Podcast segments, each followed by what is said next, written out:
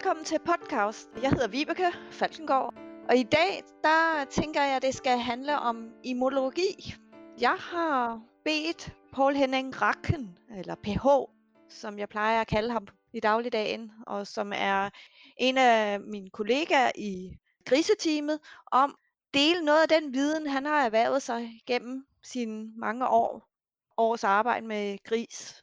Så øhm, PH, du er velkommen til lige at supplere lidt om, hvad du har beskæftiget dig med, og hvad du laver nu. Og ellers så bagefter tænker jeg, at vi simpelthen bare skal tage fat i det her emne, immunologi. Tak Vibeke, øh, og tak for invitationen. Øhm, jeg synes, det er utrolig interessant at beskæftige sig med, med virus, og øh, den del af kroppens immunforsvar, der retter sig mod, hvordan øh, det håndterer virus.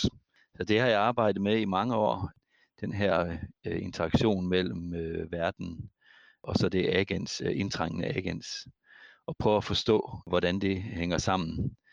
Så det tænker jeg, det vil jeg øh, tale lidt om, og så håber jeg, I synes, det er lige så spændende, som jeg gør.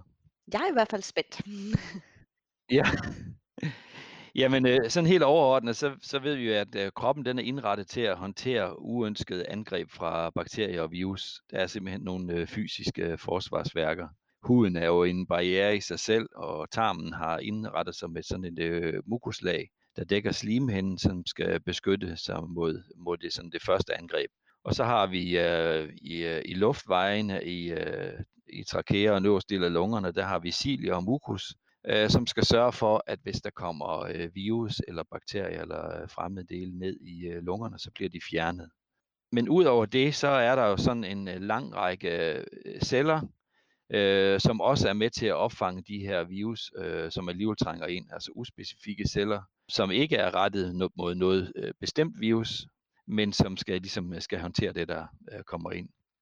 Og så har, udover det, så har kroppen så indrettet sig med et øh, alarmsystem, øh, som er i stand til at reagere på nogle øh, helt specifikke øh, agens, altså helt specifikke virus og bakterier, og så øh, designe nogle, øh, et, et forsvar helt specifikt rettet mod et helt bestemt virus eller et helt bestemt bakterie.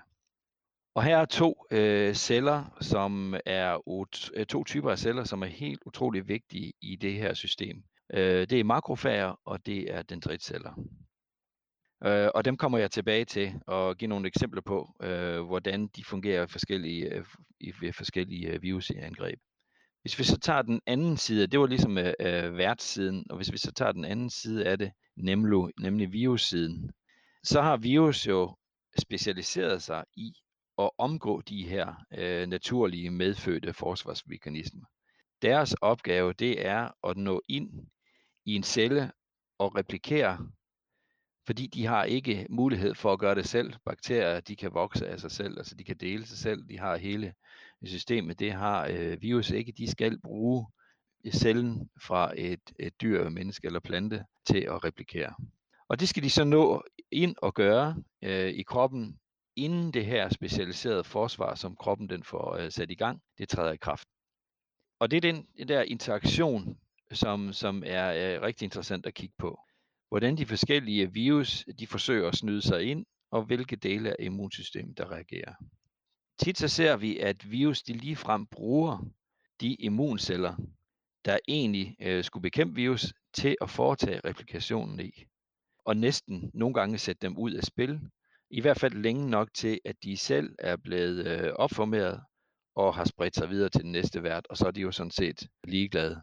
Og der er sådan nogle et, interessant eksempler på forskellige vis, hvordan virus udnytter øh, kroppens immunforsvar til at fremme deres egen sag. Ja. Så jeg vil, jeg vil tage øh, tre eksempler her. Når man kigger på, hvilket sygdomsbillede et bestemt virus øh, giver, så får man tit et hint om, hvor det er øh, hen angrebspunkten, eller hvor replikationen den sker, og hvad det er for nogle dele af immunforsvaret, der bliver sat på spil. Og når man kender den der interaktion, ja, så kan man så begynde at designe sin vaccine til at, at prøve på at få uh, sat et forsvar op, uh, så, så det her virus det bliver fanget tidligere. Og det første nævn, uh, eksempel, jeg vil nævne, det er PCV2 eller uh, cirkovirus. Cirkovirus, det replikerer i dendritcellerne, og dendritcellerne, de er jo designet til at opfange uh, indtrængende virus, på alle overflader af kroppen, også på mukosale overflader. Så de er i absolut forreste linje af forsvarskæden. Og deres fornemmeste opgave, det er dels øh, at indfange det her indtrængende agens, og det andet det er at udsende nogle alarmsignaler, øh, det man kalder pro-inflammatoriske cytokiner og tumor necrosis factor. Så derfor får man en... Altså, jeg hører nogle gange, altså, er det ikke rigtigt, at dendritceller, de går også nogle gange under betegnelsen jo, antigen-præsenterende ja. celler? Altså fordi, de kan både, de kan ja. både øh, tage øh, det her øh, virus eller antigen og præsentere det til andre celler, men de kan også udsende alarmsignaler eller cytokiner for at inducere øh, en respons. Er det også dem, der bliver kaldt øh, langerhanske celler? Ja, de er nogle meget, de er nogle meget finurlige fætter. Altså de, hvis man ser på, på dem i elektronmikroskop, så har de nogle øh, virkelig øh, sjove former. Okay, så er jeg med. Ja. Blæksprutter, eller hvad skal jeg sige. De er, ja. de, er, de er meget interessante celler. Mm. Men, øh, men det her PCV2-virus, det er altså simpelthen været smart og øh, designe sig selv til at blive opformeret i de her øh, dendritceller. Lige for at tage dendritcellernes øh, den opgave, de har, når, når, når normalt, når et virus øh, trænger ind i det, eller når de opfanger et virus, så begynder de så at producere de her øh, cytokiner og øh, tumor necrosis factor, og som går over i blodbanen. Og de når, øh, de når så op i hypotalamus, og øh, der bliver der så induceret feber, øh, appetitmangel og sløvhed. Og man kan sige, hvad, hvorfor øh, skulle man gøre det? Og man mener, det simpelthen er en måde at sørge for, at dyret det bliver, øh, det bliver sløjt, så det øh, beslutter sig for at forlade flokken, så får man mindre risiko for, at øh, det smitter andre. Mm, smart.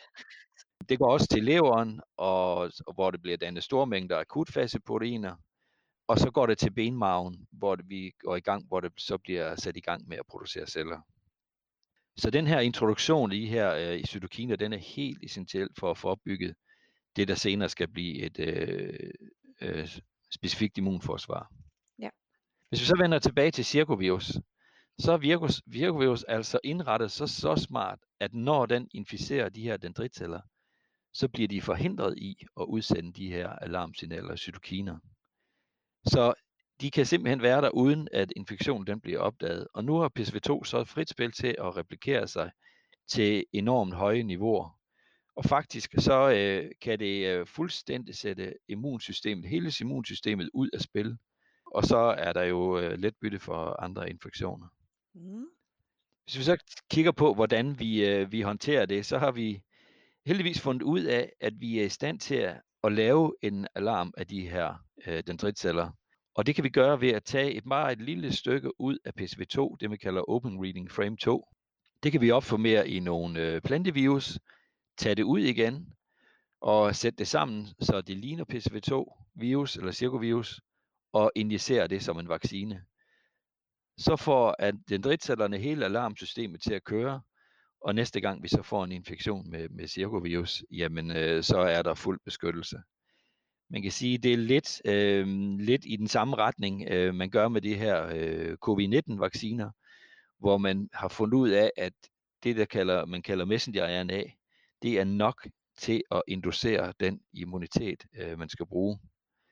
Når vi har sådan nogle øh, virus, øh, hvor vi har, man skal sige, vi har faktisk afluret dem ned i detaljen, altså Open Reading Frame 2 her for PCV2, eller vi kan bruge Messenger A for, øh, RNA for, øh, for covid-19, eller vi kan bruge øh, øh, VP2-stykket øh, fra parvovirus, så kan vi lave nogle virkelig smarte vacciner, kan man sige, som er fuldstændig harmløse i sig selv, fordi bare det her lille stykke øh, af virus, det kan ikke inducere sygdom i sig selv. Så man bliver ikke syg af det. Det, man så er nødt til at bruge i den forbindelse, det er noget øh, øh, adjuvans, altså et bærestof, som går ind og påvirker øh, det cellulære immunitet, som vi øh, kommer tilbage til, men til at, at begynde at producere de nødvendige øh, T-celleforsvar. Og det her bærestof, det kan nogle gange for nogle vacciner give noget lokal reaktion, eller en kortvarig øh, feber eller noget.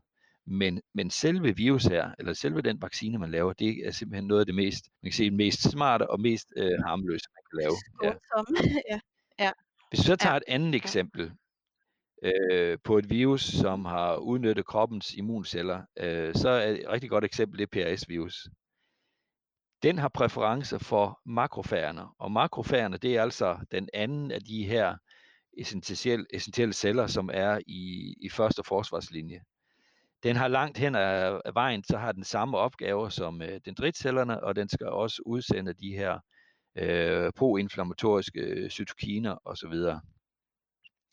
Og øhm, igen, så er det en interessant øh, detalje, at PRS-virus, den udnytter ovenikøbet nogle af de antistoffer, som, øh, som den humorale del af forsvaret, de laver til at komme ind i makrofærerne. Så nogle af de forsvar, det, øh, det øh, forsvar, som bliver lavet antistoffer, det øh, er PS-virus så smart, at øh, det udnytter til sin egen fordel.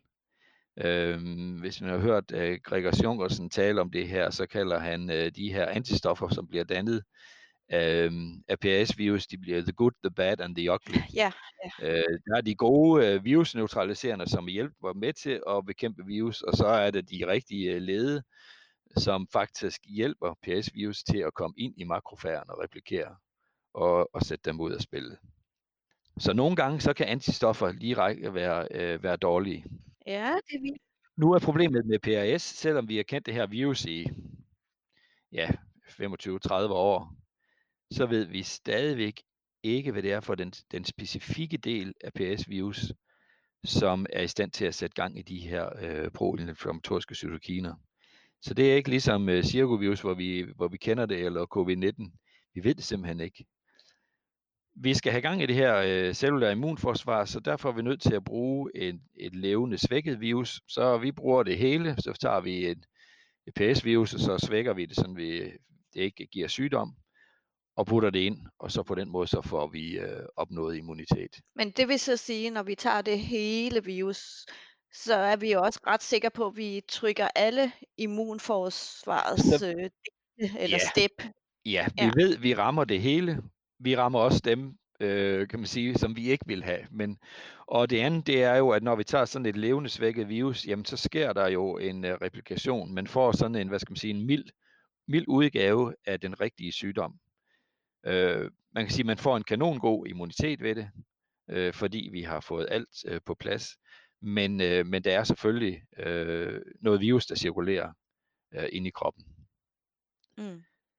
Men, øh, men og det, det øh, forsøger man så at omgå ved at øh, det man kalder attenuere, altså svække øh, virus. Øh, men ja, de sygdomsvoldende ting, dem prøver ja, man jo at ja. hindre. Ja. Så, men man får et rigtig godt immunforsvar øh, ved at bruge de her levendesvækkede øh, vacciner. Det leder faktisk hen til det tredje eksempel, som jeg vil nævne, og det er øh, bovin parinfluenza. Nu er jeg ikke øh, ekspert i kalvesygdomme, så Øh, det må jeg hellere sige. Øh. Men det er også et interessant virus, fordi igen så, så taler vi om et virus, som udnytter kroppens egen immunforsvarsmekanisme, eller sit forsvarsmekanisme til at replikere. Øh, det her såkaldte mukociliære apparat, altså de her øh, cilier og den slim, der er i de øvre luftveje, og som egentlig er ekstremt effektive til at fjerne alt, hvad der kommer ned, øh, eller forhindre, at ting kommer ned i lungerne. Øhm, det er faktisk lige præcis angrebspunktet for øh, bovin parainfluenza. Og deres replikation, den sker i øh, epitelcellerne, som så bliver ødelagt, og så er der bare fri bane ned i lungerne. Så kan man nok regne ud, at så er det nødt til at gå temmelig hurtigt, fordi øh, lige så snart man kan sige, at øh, virus har replikeret, og de her celler de dør, jamen så har de ikke nogen sted at replikere så skal de Nej, faktisk... så kan de ikke selv komme ind, eller hvad? Nej, så er de nødt Nej, til at være... Nej, de kan ikke selv øh, udvikle sig og blive til flere. Nej, så er, det, ja. så er det slut i den verden, så har de ligesom udnyttet øh, den plads, de kunne bruge der, så skal de være videre til den næste øh, ja. og er smittet. Så de skal, det skal gå ret hurtigt. Øh, øh replikationen skal gå øh, temmelig hurtigt, og det gør den også her. Og så er det over. Og hvis man nu forestiller sig, at man havde øh, bovin parainfluenza øh, som det eneste agens eller smitstof øh, i sådan en øh, kalvebesætning, jamen så vil det nok ikke ske så, øh, så meget ved det. De vil have en, øh, en forbigående sygdom. Øh, når først øh, forsvarsmekanismerne kører, jamen så, så er de raske igen. Det tager selvfølgelig, problemet er, at det tager rigtig lang tid at få det her øh, mukociliære apparat, altså de her epitelceller, op at køre igen gendannet. Og det er det, der er problemet. Fordi, Og lang tid, har du nogen idé om, jamen, det tager flere tid? uger, Altså, inden det er fuldstændig på plads igen. Ja. Og hele den tid, der kan Mm. man sige, der er jo en åben ladeport øh, for andre infektioner. Så det, der er vigtigt her, det er jo at få øh, at, at sørge for, at der ikke er, øh, adgang øh, for andre. Så her igen, det, det kan man sige, det er lidt øh, på samme måde som øh, med PAS-virus. Man kender ikke helt specifikke dele af bovin influenza, som, øh, som kan give den her immunitet, altså som kan påvirke cellerne til at danne de her cytokiner.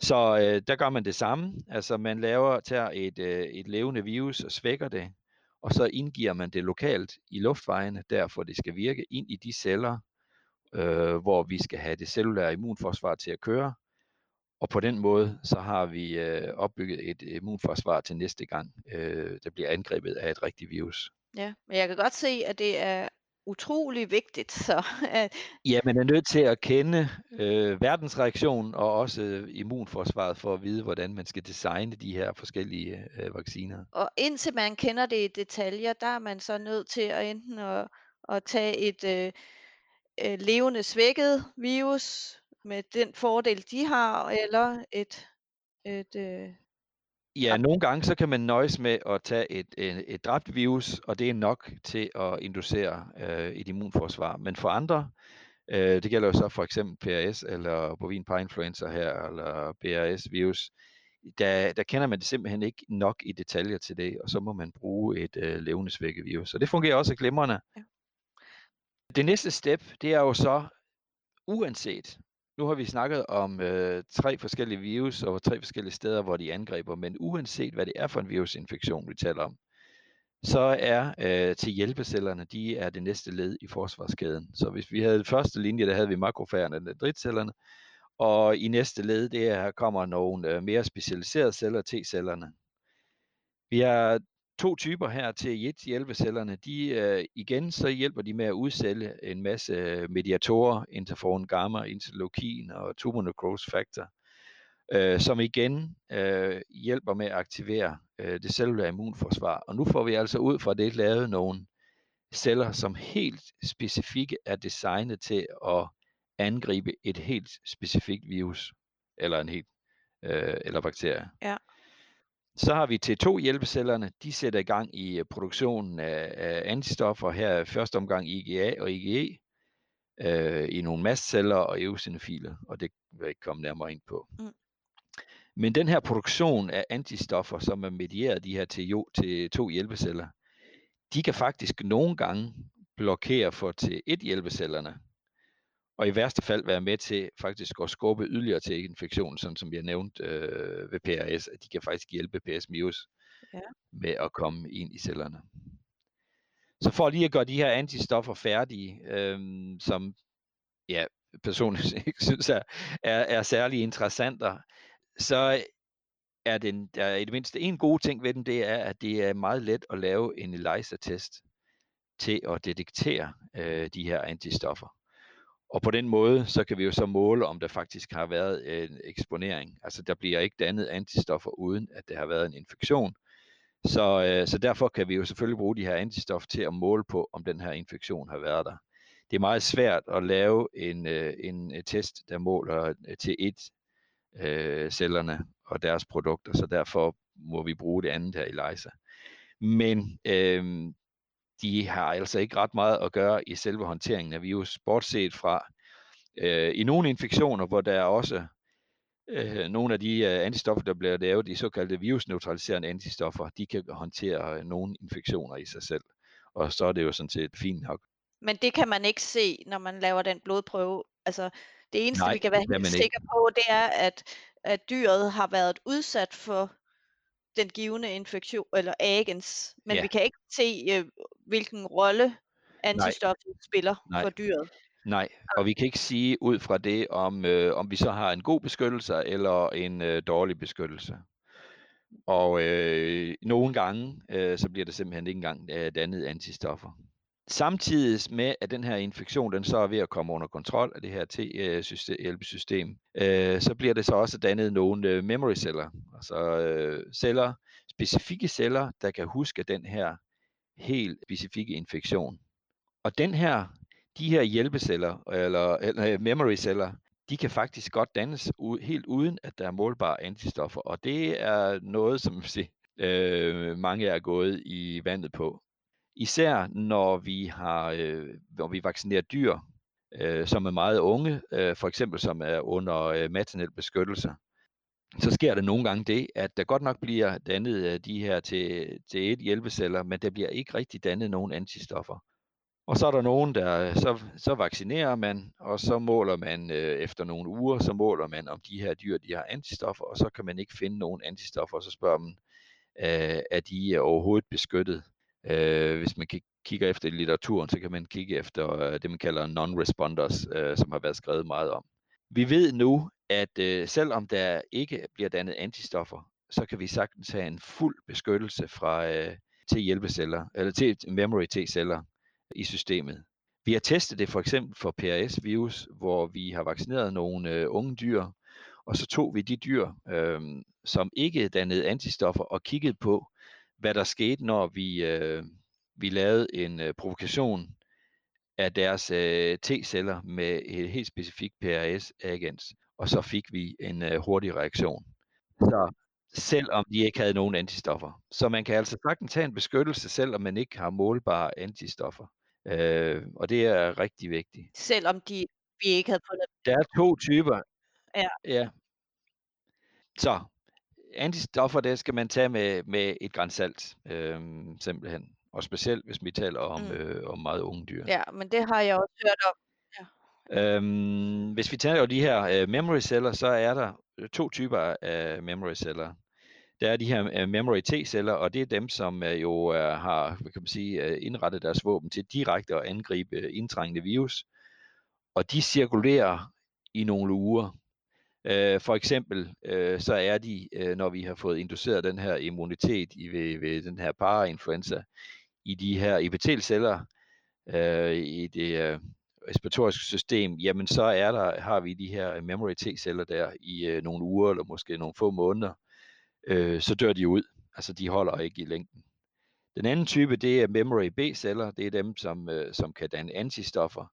De holder noget længere, øh, fordi de lagres øh, i for eksempel lymfeknuder, i, i knoglemagen, i pegerplet og tonsiller, øh, alle steder, hvor vi har lymfatisk væv. Det er svært at sige, hvor længe de faktisk lever, og det er også forskelligt for, for forskellige sygdomme. Vi ved jo, at for nogen, øh, for nogen øh, virus, der kan de virkelig øh, være effektive i mange år, sikkert fordi, at der ikke skal bruges øh, ret mange af dem, og fordi, at det er de her virusneutraliserende antistoffer, som er det vigtige i at håndtere de her. Men i hvert fald, de lever nogle måneder, altså noget længere end øh, T-memory-cellerne. Men for de fleste øh, sygdomsvedkommere, så kræver det jo faktisk, at, øh, at der er en øh, T-cellerespons. Okay. Og den her, når man så kan man sige, når de her T-cellerespons, eller de her memory T-celler, de er ved at dø ud, jamen for at øh, dyret eller individet fortsat skal være beskyttet, jamen så skal de enten møde infektionen, den rigtige infektion, fordi så bliver de boostet, og så er hele systemet op at køre igen. Eller man kan foretage en øh, ny vaccination og få provokeret dem, og så få øh, få mængden af memory celler øh, op igen. Det leder mig faktisk hen til den, den, den sidste ting, som jeg synes er interessant her, det er den her diskussion om øh, flokimmunitet. Flokimmunitet, det kræver, at alle individer, eller i hvert fald mm. ja. 90, måske 80, men øh, op i den der størrelseorden, øh, 90% af den her øh, population, de er beskyttet mod en eller anden given infektion. Ja. Enten ved at være blevet vaccineret, eller også ved at de har mødt en naturlig smitte. Fordi hvis der er for stor en andel, der er ubeskyttet, jamen så vil de, lad os sige, at vi har 20%, øh, som ikke er beskyttet, som ikke er vaccineret. I når de møder virus, så opformerer de virus i store mængder, Og så den beskyttelse, som, øh, som de her ellers øh, vaccinerede individer de har, den kan simpelthen øh, gennembrydes. Altså det er ikke en, øh, en øh, immunitet, det er ikke et, et spørgsmål om enten eller. At enten er man immun, eller så er man ikke immun. Der er en enorm øh, individuel variation, og samtidig så er det klart, at øh, lige så stille, så bliver immuniteten selvfølgelig ringere og ringere, øh, som tiden den går. Så hvis der lige pludselig kommer mange ubeskyttede individer ind i en flok, og det er lige meget om det... Som simpelthen kan ja, opformere ja, den her aliens helt ja, vanvittigt. så kan vi overkomme ja. øh, enhver immunitet. Så immunitet, det kan genbrydes. Ja. Man skal stadig passe på, og det er derfor, man så ser den bedste effekt i veldrevne besætninger, kan man sige. Ja, lige ja. præcis. Og man skal, man skal huske, at man skal have alle dyrene øh, vaccineret for at, at opnå fuld effekt af en, øh, en vaccination i en population. Man kan ikke for eksempel sige, at jamen, øh, øh, de her kalve, det er de øh, mest, det er de dyreste, øh, så dem tager jeg og vaccinerer, og så, øh, vil sige, det kunne være alle kvikalve, men jeg vaccinerer kun kvikalvene og alle ja. tyrkalve. Eller jeg, jeg tager fordi... kun de blåhvide, fordi de, de er mest sarte. Så øh, ja, øh, sådan en, ja. Så, så, øh, så får man altså ikke opbygget den her flokimmunitet, og det vil så sige, at alle de ubeskyttede, de kan faktisk opformere virus i så store mængder, så man ikke får den effekt, som man havde håbet på ved vaccination. Mm. Så har man sagt A, må man også sige B. Ja, hvis man vælger det, så skal man, øh, så skal man gå ind, og så skal man øh, vaccinere alle. Og, øh, og det er heller ikke, øh, man kan sige, det er også det er heller ikke et enten eller på den måde. Det er klart, at selvom der er dannet de her memory celler, jamen så tager det jo lige et stykke tid fra virus, det kommer ind i kroppen, til at vi har dem op at køre igen. Så der er lige sådan en responstid på, det kan være en dag eller to, eller det kan måske endda være endnu længere. I den tid, der vil de her indtrængende virus, de vil selvfølgelig nå at kunne øh, opformere sig i de her øh, target-celler, hvor det så end er at nå at lave noget replikation og så kommer hele memory øh, cellesystemet op og køre, og så bliver øh, sygdommen håndteret. Så det man opnår typisk ved en vaccination, det er, at vi får ikke sygdommen, fordi vi når at få den stoppet virus, inden vi når frem til sygdommen, men vi kan altså stadigvæk have noget øh, replikation. Så det skal man huske, at også i vaccinerede individer, der kan man altså godt finde virus, ja. specielt lige de første par dage efter, at de er blevet smittet.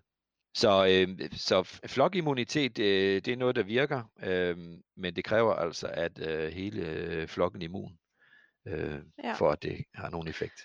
Jeg tænkte lidt på, øh, hele det her system, det er kalden jo, eller dyret jo født med, men, men erfaring, altså, men det er bare ikke funktionsdygtigt lige fra fødslen af, vel? Nej, man kan sige, det, det uspecifikke som ikke er rettet mod noget specielt agens, det er jo, det fungerer fra fødslen. Øhm, så har kalven fået med råmælken, der har den også fået nogle specifikke øh, celler med over, men de, de dør jo også ret hurtigt, altså de bliver, for det første bliver de udtyndet i, i mængde, og, øh, og allerede øh, en-to dage efter, at øh, de har fået råmælken, jamen så begynder de lige så stille at forsvinde. Så øh, den er, dyret er nødt til øh, senere, øh, og for at kunne danne det her specifikke immunforsvar, som er i det sidste ende af det, der skal øh, håndtere en virusinfektion, ja, så er de nødt til at møde den på den ene eller den anden måde. Enten ved øh, et lille stykke af, af, af virus, eller ved hele virus, øh, for at få øh, en mm. specifik immunitet. Ja. Jeg tænker, du har været temmelig godt omkring det her immunologi på ultra kort tid. Jamen, jeg synes, det er det, det, synes, det er den mest uh, spændende del af det, og så kunne man jo så, uh, vi kunne tage mange flere uh, eksempler fra, fra virus, men det er, det er jo, uh, det er jo ret, uh, ret uh, spændende at se på det, og, det, og specielt den der interaktion med, hvordan virus uh, selvfølgelig prøver at være mere genial end, uh, ja, end ja. sin vært. Altså, det, man forestiller som, ja, som virkelig nogen, der vil bryde ind i et system og finde den bedste vej ind.